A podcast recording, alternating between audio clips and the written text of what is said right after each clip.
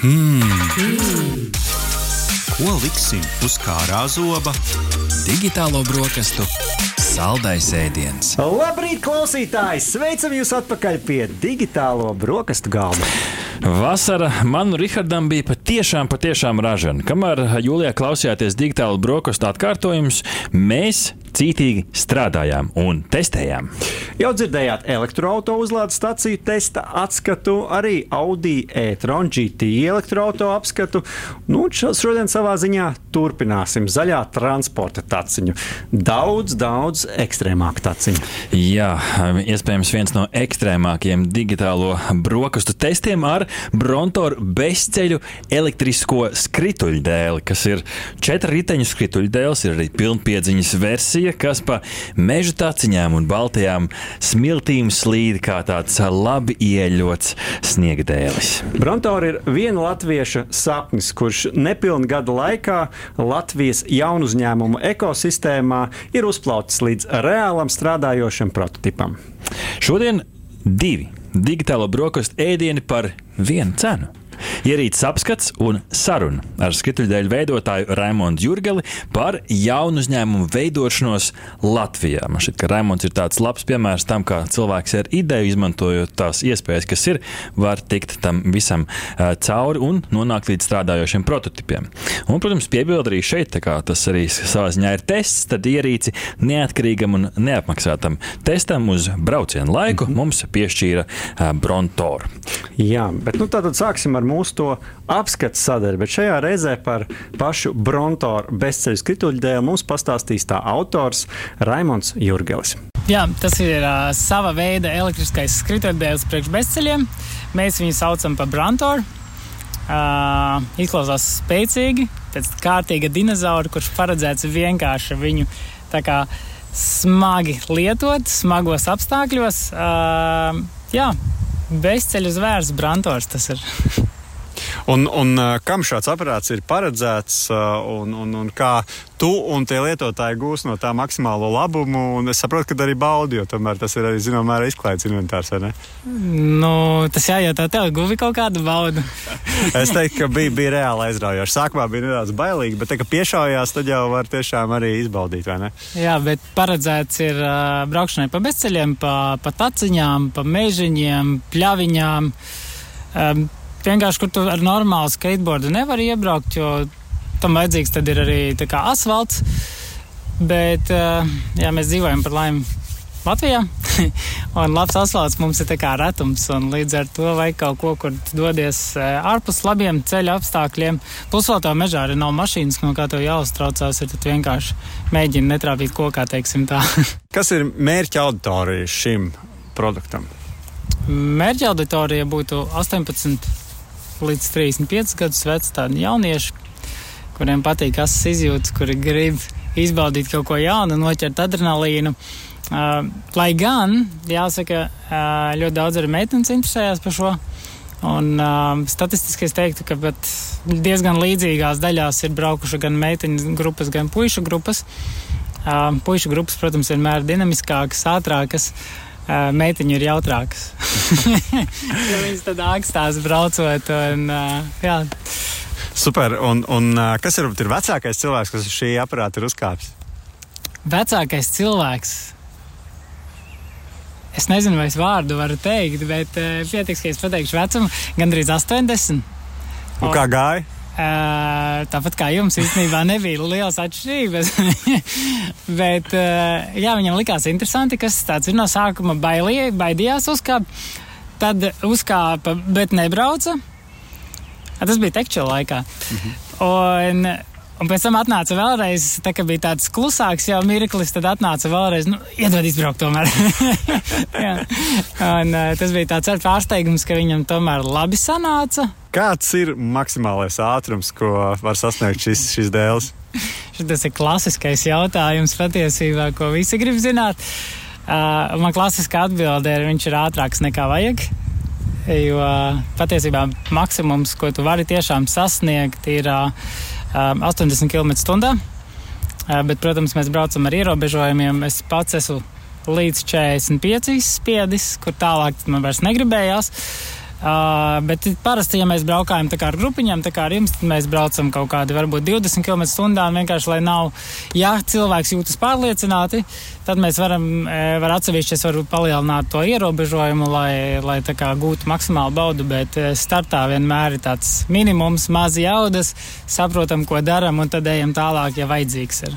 Cik tālu gabalu ar šādu var nobraukt? Tā baterija tomēr diezgan lieliski, tā salīdzinoši pat ar klasiskajiem e-skūteriem.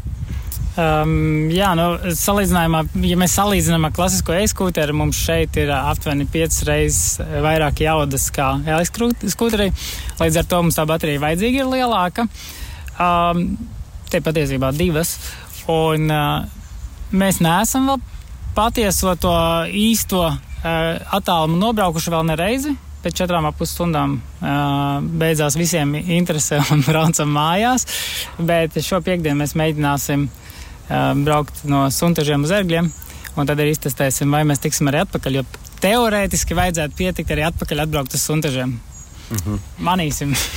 Bet, ja gadījumā tomēr ir jālādē, cik ātri var tikt no nulles līdz, līdz simtam? Vai jūs nekad neesat līdz nulai iztērējuši? nu, ar bateriju nekad nevajag iztērēt līdz beigām. Patiesībā viņu vajag atstāt, lai tur ir tā, tā elektrība. Bet, uh, no, no tādas tukšās baterijas, eh, kas ir kaut kādi, nezinu, sanāk 60% no tās ietilpības, līdz simtam pusotra stunda. Uh, tas ir tad tev, tad pa pus, pusotru stundu mēs pielādējam aptuveni tos 100 km. -hmm. Jo mēs bateriju e, paši taisījām, paši veidojām, lai šūnas, lai mums ņem pretī pirmkārt to elektrību, lai nekas nekarst. Uh, jo savādāk ar standarta bateriju būtu jālādē šis apjoms uh, aptuveni 8 vai 9 stundas. Uh, Un tas atkal ir uh, krietni par ilgi, ja mēs ar viņiem gribam braukāties kā vairāk kā, kā viena baterija spēj turēt. Mm -hmm. Bet tas droši vien arī kaut kādā mērā nu, palielina izmaksas, jo droši vien tās tehnoloģijas ir dārgākas, vai ne? Jā, tieši tā. Tad, tās šūnas jau krietni, krietni dārgākas principā reiz divi sanāk pa bateriju, kas, kas ir. Mūsu gadījumā tas ir, bija jāiet, jo mēs viņus par cik tā kā uz nomu dodam, tad mums svarīgi, lai ar viņu var braukt vienkārši, lai mums nav jādomā, ka mums beigsies tur viena, viena tura dienā, 8 stundas lādēt. Tā nebūs laikam tas. Bet šeit, šeit ir tiešām ātri varam to izdarīt. Un pirmkārt, jājautā, nu, mašīnām parasti ir stūri vai ne? Uh, Elektroskrējējiņiem ir arī kaut kāda stūra, ko tomēr var grozīt. Kā, kā vada šito vērķi? Nu, Tātad uh, rokās ir pults, uz kuras ir gāze un bremze. Um, Un tad stūrēšana notiek ar līdzsvaru līdzīgi kā skateboardu, bet es teiktu, ka šis vairāk līdzinās kā snowboardam, jo arī atšķirībā no skateboarda šeit stūrē tikai priekšējie riteņi, kas piedod to bezceļā braucot bišķi vairāk stabilitāti. Un tev nav tik viegli, teiksim, zaudēt līdzsvaru, jo tu vienmēr esi tikai kontrolēti priekšā kustās projām, un uh, tas palīdz to, teiksim tā, sasniegt to mērķi drošāk Jo starta variantā mums bija kābas, abi, abi gali, teiksim, tā stūrē. Un tas bija tad uh, divu metru apgriešanās rādījus, un ja tur viņi var braukt virs 30, mm. tu negribi divos metros griezties uz riņķi. tā kā tā mēs pārtaisījām, lai ir tikai priekšējā, lai bišķi vairāk ir tas. Uh, dabiskāka tā līnija, pa kuru brauc. Mm -hmm. uh, bez šīs, uh, šī aspekta vai ir vēl kādas drošības uh, uh, īpašas risinājums, par ko esat padomājuši, lai būtu drošāk braukt?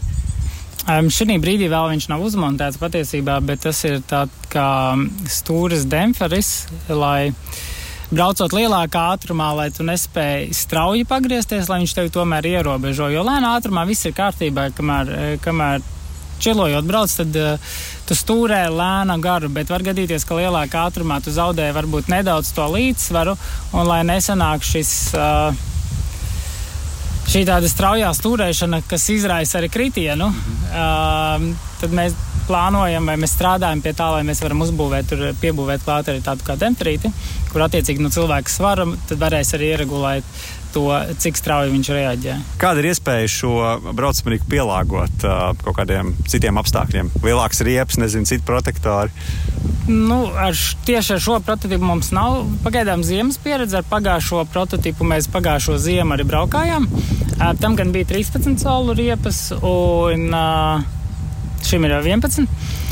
Un tad līdz kaut kādam 15 centimetru sniedziņam viņš gāja kā dūls cauri. Diezgan interesanti patiesībā bija. Tas bija tāds tā kā feelings starp snowboardu un kvadrciklu, kaut kas tā pa vidu. Jo tu brauci, kur tu gribi, tā kā tas kalnu nav. Te pašā laikā stūrē tā savādāk. Uh, bet šitā mēs domājam, teiksim tā, ja tiešām ziema ir, tad priekšējā riteņa priek vietā var uzlikt slēpes un aizmugurē ražotas riepas. Un jauda viņam pietiktu, lai stumtos. Tad atkal nāk cits aspekts klāt. Attālums, cik tu varēsi nobraukt, jo ziemā pie lieliem mīnusiem, tad baterija, diemžēl, netiek sildīta šeit.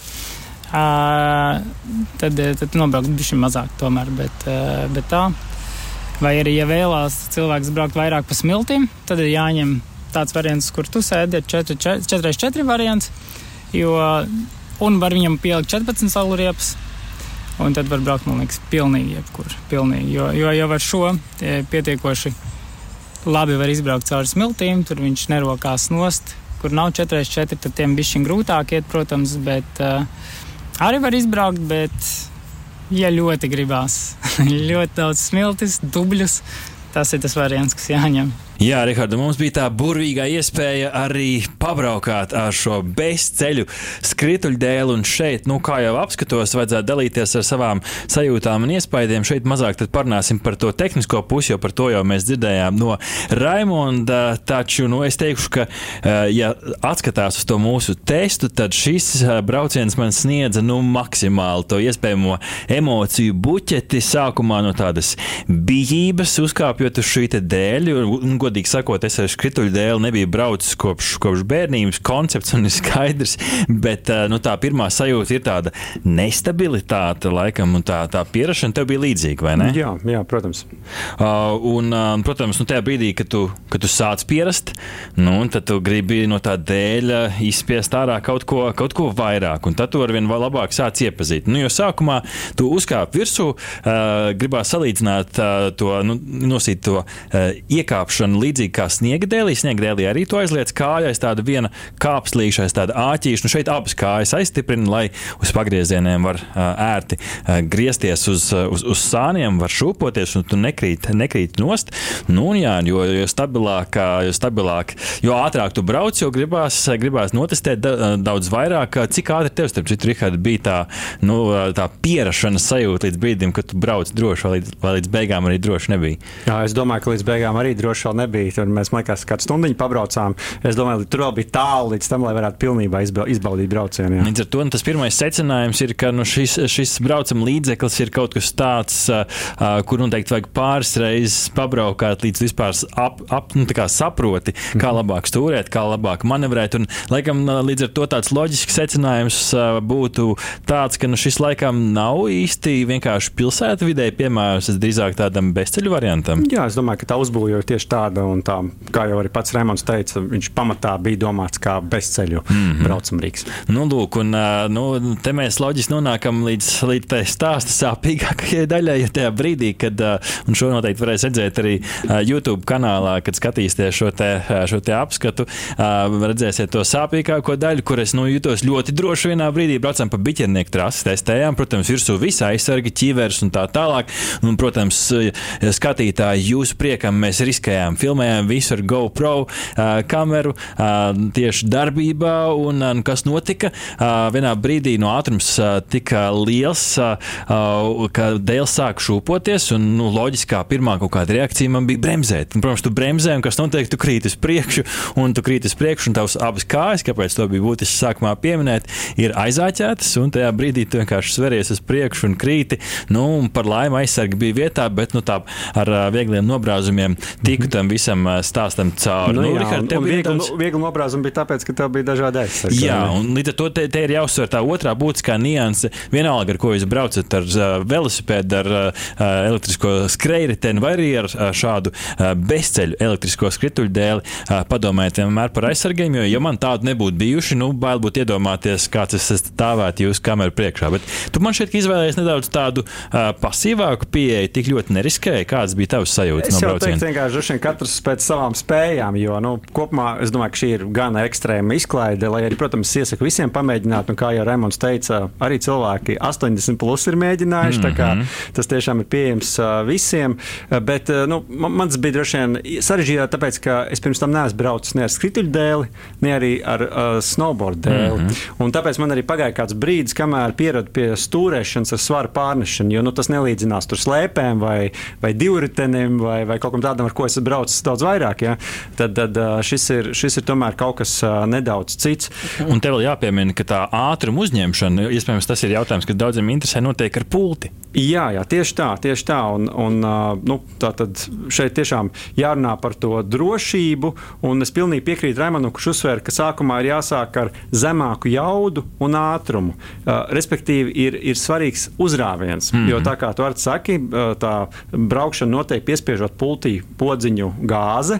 Un tajā brīdī, ja tā jauda ir liela, tad tas pirmais rāviens jau ir tāds, ka tev var noraut no kājām nost. Un, nu, tas, arī, tas, arī, tas arī bija mans apsvērums, kāpēc varbūt es biju uzlicis mazāku jaudu, lai tas pirmais rāviens nav tik liels. Savukārt, protams, tā, ka brauc pret kalnu vai pa smiltīm, nu, tad vajadzēja to jaudu bišķi paregulēt, un tad jau viss bija kārtībā. Un šeit ir jāpiemina, jāpaskaidro, ir vairāk jaudas līmeņi. Tur laikam no tāda zemāka līdz patiešām Jā. jaudīgākam, un ar to zemāko jūties drošāk, kalnā neuzbrauks. Uh -huh. Savukārt, braucot kalnā, ir nu, jāmet kauns pie malas, jāliek asāko režīmu, citādi kā kalnā neuznes, jā, un tad jā. tu slīd atpakaļ. Tieši tā, tieši tā. tā kā, uh, nu, jā. un, uh, tas, ko es varu teikt, ka es diezgan pamatīgi slodzi jūtu uz kājām, mm -hmm. uh, jo tām bija jāspēj noturēties tajā vietā. Jo mm -hmm. atšķirībā no snowboard, kur tu ar zābakiem ieķējies tajā dēlī, tad eh, šeit ir tā, ka tu vienkārši savus kurpes iebāz tādās cilpās. Mm -hmm. un, protams, ka nu, kamēr tu brauc taisni, tikmēr jau viss ir kārtībā. Bet tad, kad tev ir jāmanavrē ar savu svaru, nu, tad ir diezgan pamatīgi jāsasprindzina kājas, lai varētu tajās cilpās būt iekšā. Nu, bet tas, protams, iespējams saistīts tieši ar to, ka es uh, vienkārši iepriekš neesmu mm -hmm. braucis līdzīgā veidā, un tāpēc nu, tas bija tā mana pirmā, varbūt arī netik pareizā pieeja. Bet nu, kopumā runājot, uh, tā pieredze bija unikāla, jo nu, sajūta man šķiet ir tāda, kā tu sērfotu pa mežu. bet bur burtiski tā tas arī no malas izskatās. Ir īpaši Raimons, kurš jau ir daudz braukājis, Jā. viņš tur pa priekšu nu, meta tādas uh, cilpas, ka gan izvēlē mm -hmm. šķita, kā tad mēs tā nevaram vēl, bet nu, tur ir tas braukšanas jautājums. Jā, jā, jā bet nu, mēs jau, kā saka, vismaz ātruma ziņā daudz mēs turējām viņam līdzi, un ekstrēma ziņā ar tu pat viņu noteikti pārspēji. nu, es nezinu, vai tas bija pozitīvā veidā krītot, bet jā, patiešām, bet, nu, jā, ir dažādi šie praktiskie aspekti, kuriem ir jātiek pāri. Noteikti, ka pēc otrā, trešajā braucienā mm -hmm. jau mēs brauktu daudz, daudz mierīgāk, bet nu, tā emocija buķete, ko, šis, ko šāds braucamrīks iedod, ir patiešām uh, unikāla. Un tas, mm -hmm. laikam, ir tas, kas, kas ir jāizceļ, ka nu, šādas sajūtas un emocijas, uh, uh, kad tu tici pāri tiem praktiskiem aspektiem, izbaudīt, nu, reti kur var. Gan jau, ka ir uh, snovā līdzīgi, sno, ar snowboard braucot līdzīgi, mm -hmm. bet uh, tiešām pozitīva emocija buķete. Jā, jā, tas, kas, protams, ir visiem jāpiekodina, ka ļoti būtiski, ja šāda braukšana notiek ar šo dēlu, tad ir jābrauc uzmanīgi. Arī tieši skatoties to, nu, kad pa mežiem var pārvietoties arī citi cilvēki, un svarīgi arī nebraukt kaut kur, kur nu, var izbraukāt kādu dabas vērtību. Tāpēc, nu, lietojam arī šo produktu uzmanīgi, un es tomēr ticu, ka Raimons vienmēr parūpējas par to, lai tiešām uh, ir gan droši pašam, gan arī droši visiem citiem un apkārtējai vidē. Tas noteikti arī par šo, šo elektrisko situļu dēli tāds uh, novēlējums. Nu, mums tas sarežģītais uzdevums, nu, vismaz šajā uh, sarunas brīdī, iedot kaut kādu novērtējumu. Laikam jau mēs nevaram sniegt to īkšķi tā klasiski, jo šis nav produkts, kas ir uh, plaši vēl pieejams. Tas ir tās nu, sākotnējās attīstības stadijā, drīzāk jau tas īkšķis par to pieredzi un par to braukšanas sajūtu. Jā, un turklāt jāņem vērā, ka šis principā ir unikāls braucamrīks. Mm -hmm. nu, tieši tāds pāris pasaulē, konkurenti ir pasaulē. Jā, bet, bet viņi arī tomēr ir nedaudz atšķirīgi mm -hmm. un ar citu, citu varbūt to redzējumu. Tā kā principā šī ir diezgan tāda unikāla, unikāla lieta, kas Latvijā ir veidota, tāpēc tiešām novērtēt grūti. Bet uh, kopumā par pieredzi, nu, tā bija unikāla priekš manis. Daudz ko jaunu iemācījos līdz ar to. Droši vien jāvēl Raimondam, lai izdodas, izdodas arī attīstīt šo produktu. Tad no daudz pusīkšķis augšā? Es teiktu, ka gandrīz augšā, manuprāt, tieši par to stūrēšanu. Viņš arī mm -hmm. pats jau intervijā minēja, ka tur ir plāns mm -hmm. uzlabojumiem, mm -hmm. bet, bet uh, uh, jā, es teiktu, gandrīz augšā tieši dēļ tās, tās stūrēšanas aspekta, jo man vismaz gāja vēl pagaidām diezgan pagrūti. Mm -hmm. nu es, es no savas puses likšu īkšķi arī gandrīz augšā. Uh, jo ir pāris knifi, kas vēl ir, kas vēl ir jāatstrādā, bet mēs šo visu sakam ņemot vērā, ka no idejas līdz gatavam produktam tas ir uh, gads un trīs mēneši. Es pareizi atceros mm -hmm. to, to brīdi, kad dzima ideja, un uh, mēs jau gadu un trīs mēnešus vēlāk ar to braucam. Tā kā tur īkšķis gandrīz vai tiecās, tiecās augšā. Tas ir mūsu subjektīvais vērtējums, taču šodien šis ir tāds unikāls divu vienā apskats un saruna par šo visu stāstu kopumā. Tad mēs gribējām, protams, izzināt arī uh, sīkāk uh, to, kādas ir nākotnes perspektīvas uh, šādam, šādam produktam, vai tur ir kādas citas attīstības iespējas, un cik vispār viegli Latvijā ir startēt un veidot savu biznesu jaunu uzņēmumu ekosistēmā, ja tev vienkārši ir ideja, un varbūt tu pat neesi tāds pieredzējis biznesa cilvēks. Nu šeit dzirdēsim tālāk no Raimonda Jurgeļa. Neteiksim, ka viņam nav nākotnes bet viņam ir diezgan ierobežots tirgus. Līdz ar to mums, kā uzņēmumam, ir jāskatās, kā mēs to pašu tehnoloģiju varam pārvērst savādāk. Uh, viens no tiem variantiem ir šis kravas skūters, ko jūs jau redzējāt. Um, principā, tas ir tas, kur mēs, mēs sevi redzam, ka mēs tajā virzienā varētu iet, bet tas arī vēl jāpārbauda. Tas viss ir jāpārbauda. Šis ir sportam, šis ir izklaidē. Un, uh, izklaide ir forša. Cilvēki ir gatavi arī maksāt vairāk par izklaidi, kā viņi būtu gatavi maksāt par skūteri uz četriem riteņiem. Respektīvi, ja, ja cilvēki, ja tu tagad gribētu pirkt priekš savas izklaides, tu neskaitītu naudu, vai nu, tu pas, ne, nepaskatītos tik ļoti. Bet mobilitātei patiesībā ir tas otrs aspekts. Mēs gribam superlēti. Un tur atkal citi izaicinājumi ir. Un, uh, Nu, tas ir bijis cits, cits virziens, bet tehnoloģija kā tāda mums ir. Mēs vienkārši skatāmies, kā mēs to varam apspēlēt. Jo ar prieku uh, mēs, protams, to darām, mēs, mēs uh, virzamies bet tikai ar prieku ilgi neizdzīvosim. kā, un, un tad, tad tur ir jāskatās, ka mēs tiekam arī praktiskākā pusē iekšā. Vienkārši. Un par to preci, ko runājot, vai tu redzi, ka viņi arī varētu tikt ražot Latvijā, teiksim, tad, ja mēs runājam par lielākiem apjomiem, vai tur tomēr jāmeklē kaut kāda papildus pieredze un iespējas arī citur? Um, viss ir atkarīgs no tā, cik Latvijas lielie ražotāji uzņēmumi ir gatavi vispār atbalstīt, jo mums bija tieši īpaši tajā starta fāzē ļoti sarežģīti vispār sarunāt, lai kāds mums kaut ko uztaisa. Jo neviens īsti negribēja ņemties ar mazajām detaļām. Visi teica, jā, nu, bet ja tu pasūtīsi tūkstoši, tad nāc pie manis. Es, es varu garantēt, es ne pie viena no šiem uzņēmumiem neiešu, jo viņi jau startā mums negribēja palīdzēt. Līdz ar to nākotnē skatoties, jā, to var ražot visu Latvijā. Latvijā tiks būvēta arī akumulātoru rūpnīca. Ja kāds nezina, tad tagad jau varbūt zina. Digitālās brokastīs ziņojām par to jau. Jā. Līdz ar to akumulātori vairs nav problēma. Elektronika mums jau senāk nav problēma, jo to jau mums ir uzņēmumi, kas ar to darbojas, un metāla apstrāde mums ir ļoti augstā līmenī. Līdz ar to es neredzu nekādus šķēršļus, lai tas nevarētu tikt ražots pie mums. Vaicājām Raimondam arī par to, kā nonāca līdz idejai nu, radīt principā kaut ko nebijušu, kā arī kādas iespējas sniedz Latvijas jaunu uzņēmumu ekosistēma. Paklausīsimies, ko pats Raimons par to saka. Um, viss iesākās patiesībā sen, sen atpakaļ. Nē, e, patiesībā iesākās e, bišķi otrajā gadā, kad bija Covid, jo es tā kā braucu katru gadu uz kalniem slēpot, bet tad es divas sezonas nācās izlaist un uh, gribēju ar kaut kādu braucamo pabraukāties, bet īsti nebija pareizs risinājums. Un, uh, Sāku skatīties skateboardus elektriskos, nu, par cik mums kalni arī baigi nav, un labs asfalts mums ar tā kā īsti tā šur tur jau ir, protams, bet uh, ne tur, kur mēs drīkstētu braukt. Un tad sāku skatīties, kas vispār ir pieejams. Un uz to brīdi bija pieejams tikai viens risinājums, uh, Austrālijā ražots, kas uh, ir krietni sarežģītāks uzbūvē. Viņš ir veidots burtiski kā mašīna, kas nozīmē arī ļoti daudz darba ar viņu. Ir, tad, ja kaut kas notiek, viņam, teiksim, ir ar pusasīm, un tad stāties priekšā, cik tur ir maziņas pusasiņas, un viņas regulāri lūstot. Tad tur ir siksnas, kas veido pārvadu, mazāki motoriņi, un es to negribēju. Es gribēju tā, lai man ir paņēmu, braucu, nu, vai nu viņš salūz, tad kaut ko vienu detaļu nomainu un viss. Un, un tad sāku knibināties, sāku skatīties, kā to izdarīt pašam, un uh, uzsūtīju pirmās detaļas. Pagājušajā gadā no idejas sākuma līdz šodienai pagājis viens gads un viens mēnesis. Ļoti ātri patiesībā, un ka tev ir jau reāli prototyps, ar kuru pat tu vari nopelnīt naudu, iznomājot viņu. Jā, nu, kad dara, tad dara. tie, kas dara, tiem arī iet uz priekšu. Un, protams, ir bijuši visādi šķēršļi tajā visā laika posmā, bet uh, fokus ir uz mērķi, ka jāiet uz priekšu. Un, jā, tagad skatāmies jau, kā mēs šos prototypus varam vēl labākus padarīt, uh, lai ejot sērijā lai mums ir jau bērnu kļūdas viss izskaustas un krietni uzlabotāka vēl piekara. Jau šitam ir diezgan feina, bet mēs esam atraduši vienu nelielu uzlabojumu, kur mēs veiksim, lai padarītu vēl praktiskāku un izturīgāku to braucamo.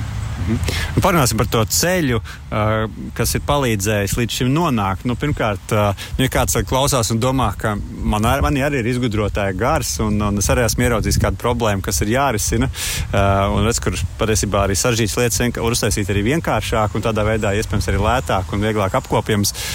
Nu, kas bija tava izglītība, tava pieredze, kas tev palīdzēja šo izdarīt? Gribas spēks. jo, Nu, ja, ja ir, redz, šodien es arī biju savādāk, jau skatos uz tām lietām. Tajā pirmajā brīdī ir tā ideja, deg acis, rokas niez, ņemam instrumentus, strādājam, taisam. Šodien es ietu no cita aspekta, no ok, man, man liekas, tā ir problēma. Es sāktu meklēt, vai arī citiem tā ir problēma. Jo, ja nevienam pats trakākais, teiksim, būtu, ja es teiktu šo sataisītu un iegrābtos tā kā auzās, ja, kad, kad nevienam viņa nevajag. Un ko tad? Uh, bet, bet man palīdzēja teiksim, tas, ka es zināju, ko es gribu. Uh, piedalīšanās dažādos konkursos, viens no tiem bija uh, principā ideja kaut kas pacēla to visu pavisam citā līmenī, kā es nekad it kā nebiju varbūt gribējis, bet te nu es esmu šodien. Pēc tam rad, pēc ideja kausa, tad pavēra durvis jau tālāk, plašāk, piesaistīja investoru. Un pamazām mēs ejam, bet, protams, neapstājos kaut kur piedalīties. Turpinu, turpinu iet gan kaut kādos hackatonos, piedalīties kaut kādos konkursos, jo tas viss jau palīdz uh, satikt jaunus cilvēkus, dzirdēt jaunus padomus. Protams, ko mēs darām, to mums uh, jāizlemj pašiem. Ir. Bet jā, kaut kurā brīdī tu sāc to visu savu bērniņu jau redzēt citām acīm un bišķi kritiskāk skatīties uz to visu. Varbūt tiešām tas tie soļi, kurus mēs darām, ir pareizi. Citi, protams, ir nepareizi, un tu domā pēc tam, nu, Jā, bet tas sācies no sīkā kā hobijs, vai ne? Un tad tas pārtaps, pārtaps biznesā. Jā, jā. Bet, bet tu, tu esi, nezinu, tu, tu, tu esi mehāniķis pēc izglītības, vai tu esi, vai, vai tu esi, piemēram, nezinu, jurists, kuram vienkārši patīk skrūvēt. Gadrīz pēc izglītības es esmu mārketinga speciālists. Sanāk, uh, ilgus gadus gan es nestrādāju mārketingā un uh, teicu studēju biznesa vadību. Uh, līdz ar to no mehānikas, no mehānikas it kā ļoti tālu. Bet man patīk eh, veidot, man patīk darīt lietas, man patīk saprast, un, un man tas izdodas diezgan ātri.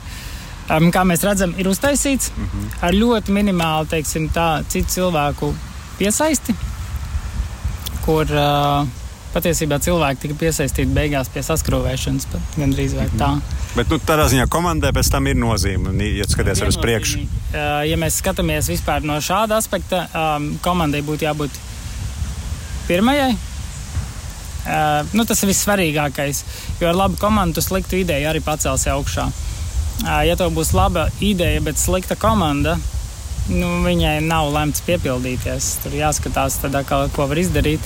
Mums nav liela komanda. Uh, lielāko daļu es darīju viens pats. Šogad tikai, ja mēs skatāmies, tas ceļš ir viens gads bijis, tad šogad kaut kur tikai marta beigās, aprīļa sākumā bija pirmie komandas biedri mm -hmm. iekšā pienāca, bet tagad mēs esam palikuši tikai divi.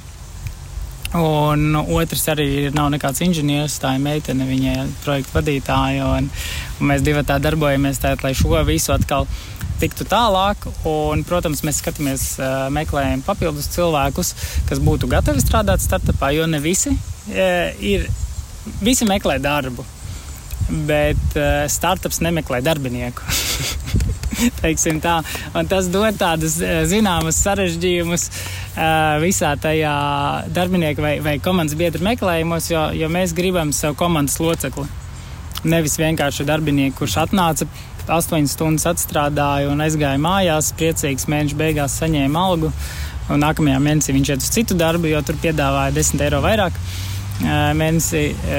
Tas nav tas. tas tur, ir jā, tur jābūt tā, ka atnāk cilvēks un viņam mirdz acis arī par to, ko viņš varētu mums dot vai ko mēs viņam varam dot. Un, un tas tas svarīgākais. Un kā tu redzēji uh, Latvijas to nu, startup ekosistēmu, ja to var tā nosaukt, teiksim, cik daudz to ir palīdzējis, teiksim, iespēja satikties ar citiem uh, jaunu uzņēmumiem, varbūt ir kaut kāds arī valsts atbalsts, uh, kas ir palīdzējis nu, gan finansiāli, gan iespējams ar kaut kādu padomu piesaistīt kādu investoru. Kas tev no šī visa licies ir noderīgs un, un, un vērtīgs? Um, visnoderīgāk tik tiešām ir tas, ka Patiesībā mums ir ļoti daudz startupu. Un to mēs it kā ikdienā neredzam. Ko mēs ikdienā redzam? Mums ir lielie uzņēmumi, kuri kaut ko dara. Bet startup vide īstenībā ir ļoti, ļoti aktīva. Tur ir ļoti daudz jaunu uzņēmēju, jaunu cilvēku ar idejām, ar prototipiem. Ir ar komandām, ir bez komandām, un viņi visi kaut ko dara. Um, tas dod tādu zināmu veidu arī tādu drošības sajūtu, nu, ka, ne, ka mēs neesam vienīgie, kas cīnās.